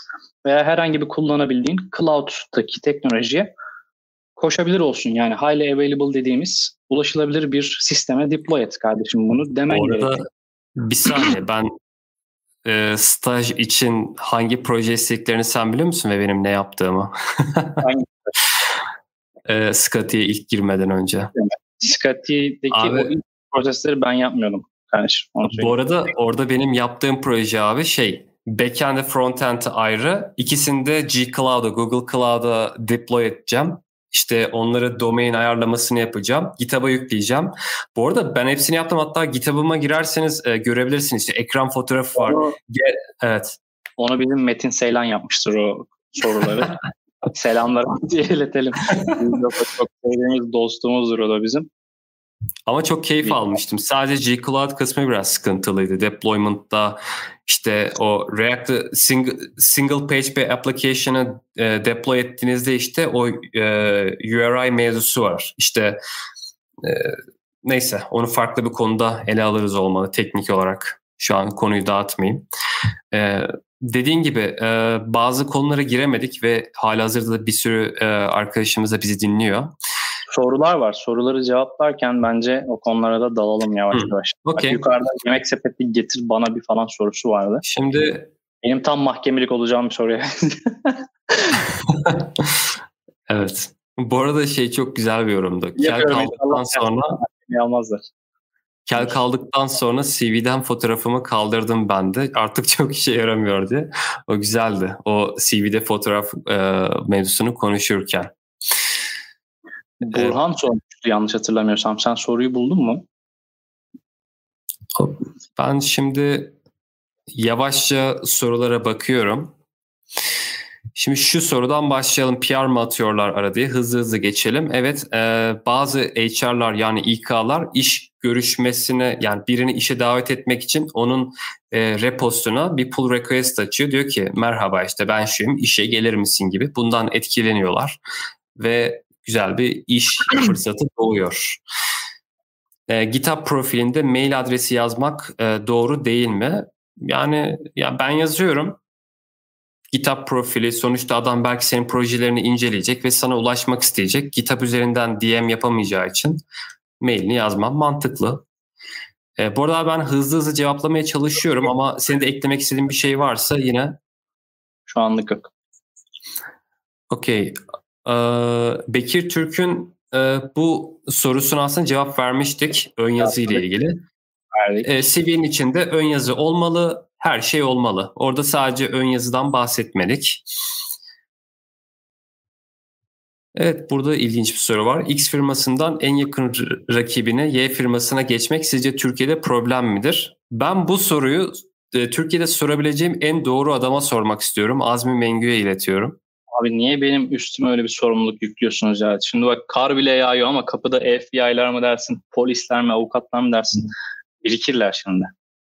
Evet evet. Bu arada e, bu konuda cevaplayayım. Şöyle arkadaşlar buradan buraya geçmeniz hani getirirden yemek sepetine, getirirden trend yola, trend yoldan getire. Yani hiç fark etmez. Benim savunduğum tek bir şey var. Eskiden belki öyle olabilir ama bence artık öyle olmaması gerekiyor hem ben olanı anlatayım hem olması gereken halin nasıl olması gerekiyor. Naçizane kendimce onu anlatayım. Günümüzde geldiğimiz noktada herkes herkesin işini yapıyor. Abi bakıyorsun bugün çiçek sepeti mont satıyor tamam mı? Ayakkabı satıyor. Trendyol çiçek satıyor. Yemek siparişi veriyor veya yemek sepeti çiçek işine giriyor. Şimdi sen bunun olduğu noktada yemek sepeti çalışanına şunu dersen ayıp etmiş olursun aslında. Yani yemek sepeti böyle bir şey diyorsa çalışanlarına. Sen bu firmada çalıştıktan sonra 5 sene içerisinde bu sektörde karşı rakip firmaya geçemezsin. Şimdi bunu yaptığın anda yazılımcıya alan bırakmıyorsun. Yazılımcıya alan neden bırakmıyorsun? Çünkü Türkiye'de var olan bütün firmalar artık hepsi kendi businesslarına girdiler. Yani eğer ki böyle bir şey oldu, bu alanı bırakmadı yazılımcıya. Dedi ki evet gidemezsin. Gidersen de bula bula bula yaptırımlarımız olur. Yazılımcı ne yapacak? AI Machine Learning falan startup'ı kurar yani gidip maksimum. Onun haricinde hiçbir firmada çalışamaz ki. Bugün baktığınızda Getir, Yemek Sepeti, Trendyol, Çiçek Sepeti, şu sepeti, bu sepeti bunların hepsi birbirinin işini yapıyor. Bir suda çalıştım. Bir su market işi yapıyordu. Getir de market işi yapıyordu. Ama orada şöyle bir kural seti vardı. Bizim asıl ana business'ımız şu arkadaşlar. Bir ana business'ı su. Su delivery, water delivery dediğimiz mevzu. Getir'in ana mevzusu ne? Getir'in ana mevzusu da market delivery. Yani Getir'den yemek sepetini, yemek sepetinden Getir'e gitmeniz neden e, resmi olarak kabul görmeli kısmında şunu söylüyorum. Yemek sepetinin asıl işi yemek deliver etmek, Getir'in asıl işi market deliver etmek, Trendyol'un asıl işi e-ticaret. Yani bu firmaların herhangi birinden e, birine gittiğinizde, giderken de sözleşmenizin altında yazar. asıl işimizi yapan herhangi bir firmaya işte iki yıl içerisinde geçersen, müşterimizi çalarsan, şu olursa bu olursa bula bula. Böyle noktalarda bir yaptırımımız olabilir diye yazar. Ama onun harici kesin katiyetle e, herhangi bir firma ismi geçmez. Oradan buraya buradan buraya zıplayamazsın diye. Türkiye'de de bunun içinde ceza almış herhangi bir arkadaş tanımıyorum yani. Bizden getirdiyken gittiği yora giden çok arkadaş oldu. Trend yola giden arkadaş oldu. Oralardan bize gelen arkadaşlar oldu. Herhangi bir şeyde bir şey olmadı yani. Onu söyleyebilirim. Evet. Evet. Ee, güzel bir soru daha var bu arada. Ee, eğer bize saçma bir soru sorulursa e, konuşmayı işte hadi deyip bitirebil, bitirelim mi diye. Ben orada hemen küçük bir yorum yapmak istiyorum. Kesinlikle siz kendi karakterinizden ödün vermeyin. Sorulan sorulara cevap vermeye çalışın. Saygılı olun eğer e, ne kadar saçma olursa olsun bunları eleştireceğiz, dile getireceğiz bu ortamlarda ve çözümünü e, çözmeye çalışacağız. Ama orada karşıdaki kişiye işte hadi deyip ya da konuşmayı terk edip yapmanın kimseye bir faydası yok. Bu sadece hani o durumda e, biraz ilkel bir e, hareket olarak akıllarda kalır. Hatta bu sizin ilerideki iş başvurularınızı da etkiler. Çok büyük ihtimalle. Çünkü zaten Türkiye'deki piyasa küçük olduğu için insanlar birbirleriyle haberleşiyorlar. İşte yarın bir gün şey denilebilir işte biri kulaktan kulağa işte bizim iş görüşmesine biri gelmişti. İşte konuşmada şöyle şöyle bir şey yaptı, agresif bir şey yaptı gibisinden. Aa falan der. O oradan gelir, o buradan gelir. Yani hiç beklemediğiniz bir yerden bunu duyabilirsiniz. O yüzden kesinlikle saygılı olun.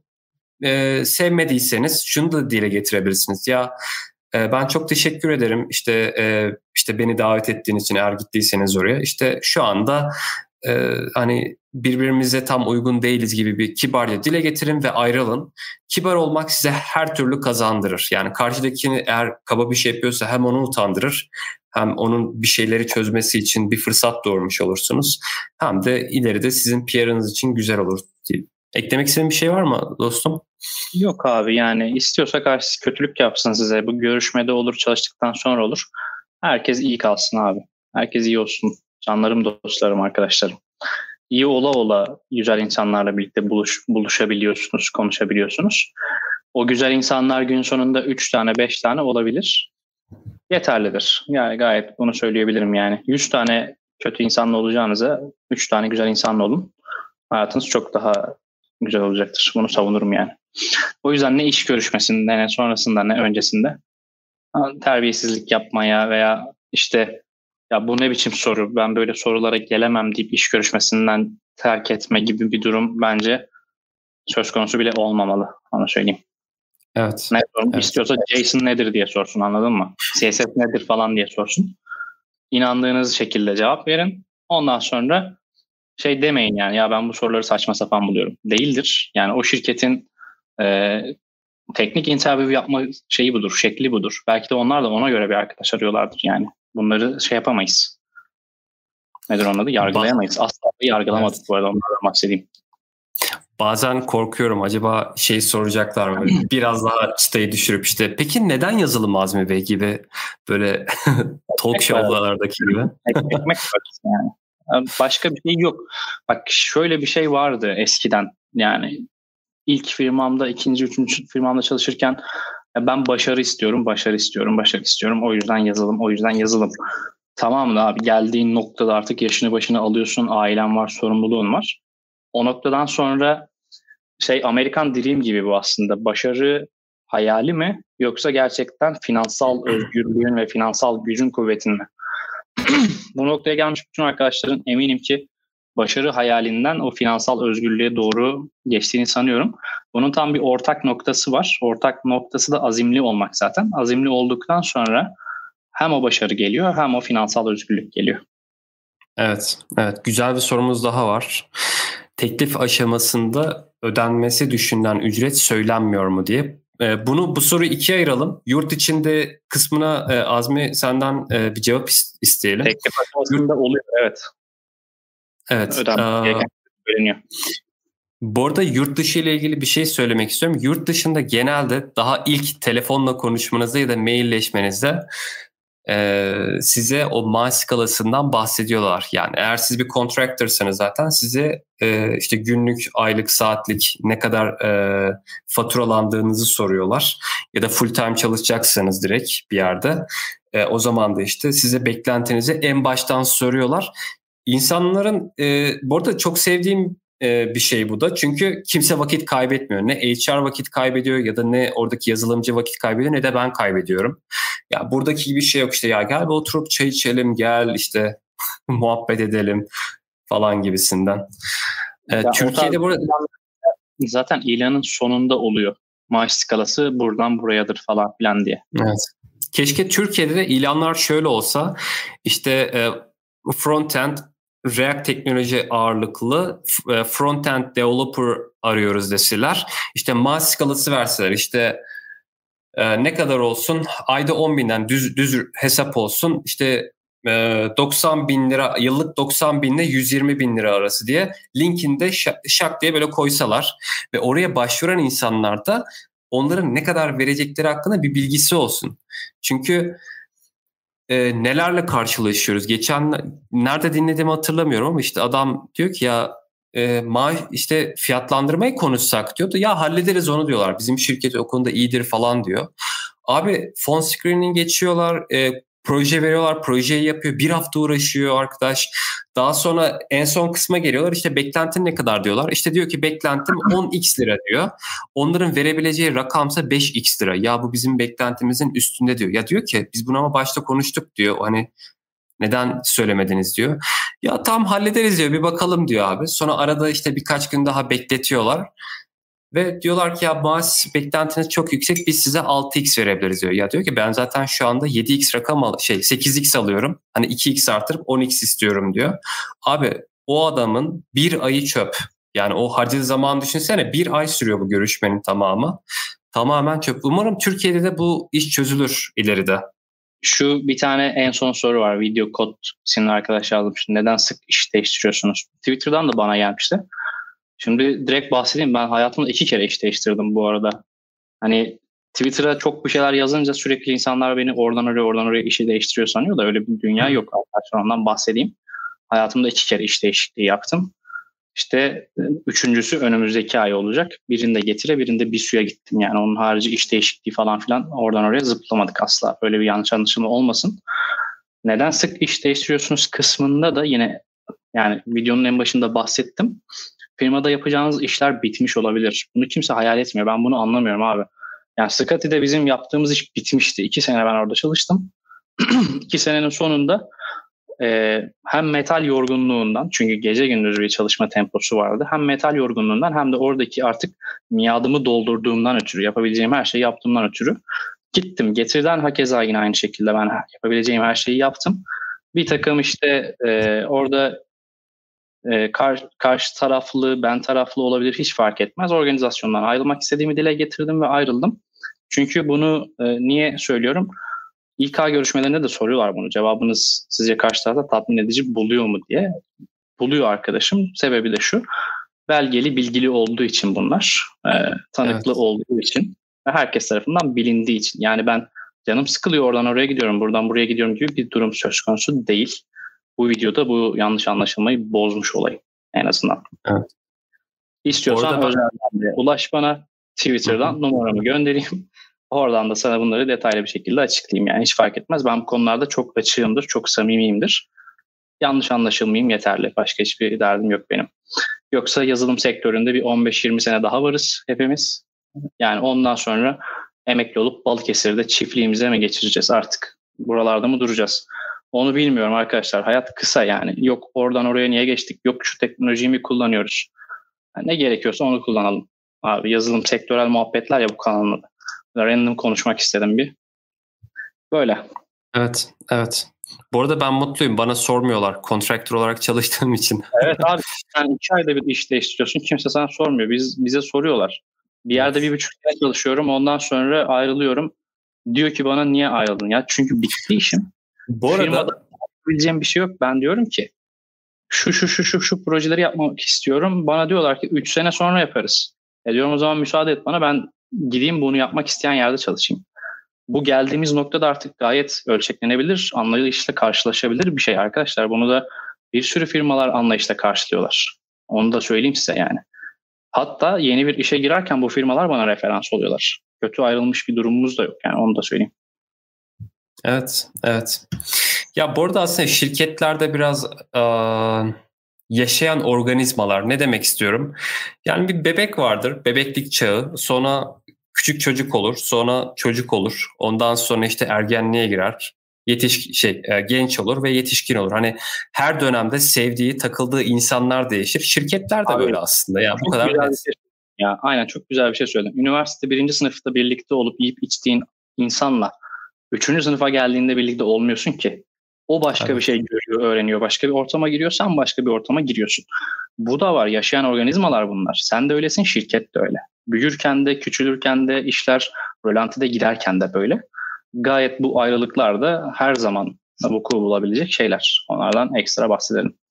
Hazır evet. işe girme, işten alım, işte işten çıkış konularıyken güzel olumundan bahsetmemiz. Bu arada şu son 3 e, iş teklifinden ben bahsetmedim bana gelen. E, bu e, bu etkinliği oluşturduğumuzdan itibaren ki bu 2 haftalık süreçte bana 3 tane iş teklifi geldi.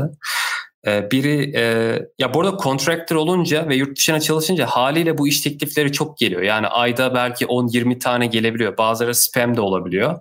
Ama genelde e, iyi iş teklifleri de oluyor. Mesela e, bu üç iş teklifi Anlat abi sen. Bu üç iş teklifi işte Berlin, Amerika ve Londra'dan da farklı farklı. Ee, büyük ihtimalle Londra'dakiyle anlaştık ve e, orada devam edeceğiz. E, çok güzel bir proje bu arada. E, e, umarım orayla anlaşırız ve yani her şey okey olur. Ve e, bir sonraki programda o çalıştığım mevzuyla alakalı bir konu konuşuruz. Çok güzel bir sektör çünkü. Şu an bilgi veremiyorum ama. Ama mesela o Berlin ve Amerika'daki şirketlere bakıyorum abi. Yani birisi benden fedakarlık yapmamı istedi. Dedi ki ya Yusuf işte hani şey yapmalısın fedakarlık yap anladın mı? Maaştan fedakarlık yap, zamanından yap. Ya düşündüm. Abi ben zaten oturup kendim küçük bir startup kurabilirim. Yani bir yalan yok. Kendim finanse ederim. Hani belli birkaç ay böyle bir şekilde de götürürüm. Hani illa kendimi riske atmak istiyorduk ama yani belli bir yaşa geliyoruz artık ve artık bizim hani maalesef bazı e, standartlara doğru gitmemiz lazım. Nedir o abi? E, haliyle biz de belki evleneceğiz, belki çocuğumuz olacak, işte ev alacağız, araba alacağız. Yani herkesin istediği ve doğal olarak yapmamız gereken şeyler. E ben bu saatten sonra niye gireyim ki ya? Ben eskiden çok fedakarlık yaptım. Yani mesaiye kaldım, mesaiden para almadım, cebimden karşıladım yol masrafını, e, yemek masrafını kendim karşıladım e, maaşımın büyük bir kısmı mesaiye gidiyordu. Ben hatırlıyorum o zamanları. Abi bir haftada bir hesap yaptım bir gün. Hafta sonu bile gittim ben işe o release zamanlarında.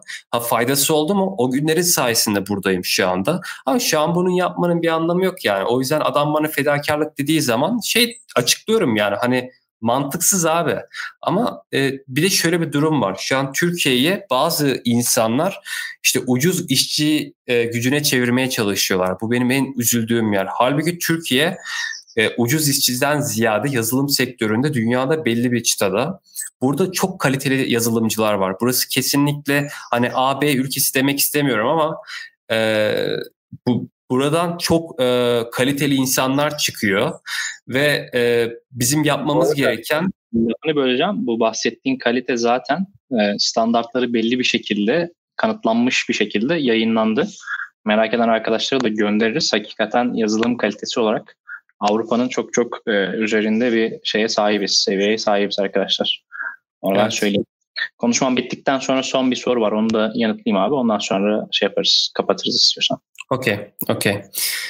Ee, aslında diyeceklerim o kadardı o, kısımda. Yani fedakarlık e, kısmını zaten biraz konuşmuştuk ama onun neden açtığımı da biraz özet geçmek için. Çünkü biz bunun öncesinde zaten seninle konuştuğumuz için konuya hakimdik. Bu yani, arada o fedakarlıkları. Şimdi ben de çuvaldızı kendime batıracağım. Evet.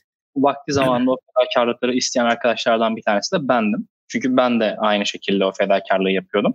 O fedakarlığı yapmayı hep birlikte e, birbirimize söz vererek gerçekleştirmiştik. Bunun olduğu noktada fedakarlık yapılıyor. İşte bahsetmek istediğim şey buydu. Herkesin birbirine karşı fedakarlık yaptığı ortam.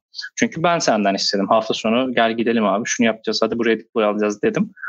Sağ olasın geldin, gittin, yaptık, başarılı olduk. Başarılı olduğumuz müddetten sonra zaten geldiğimiz nokta burası.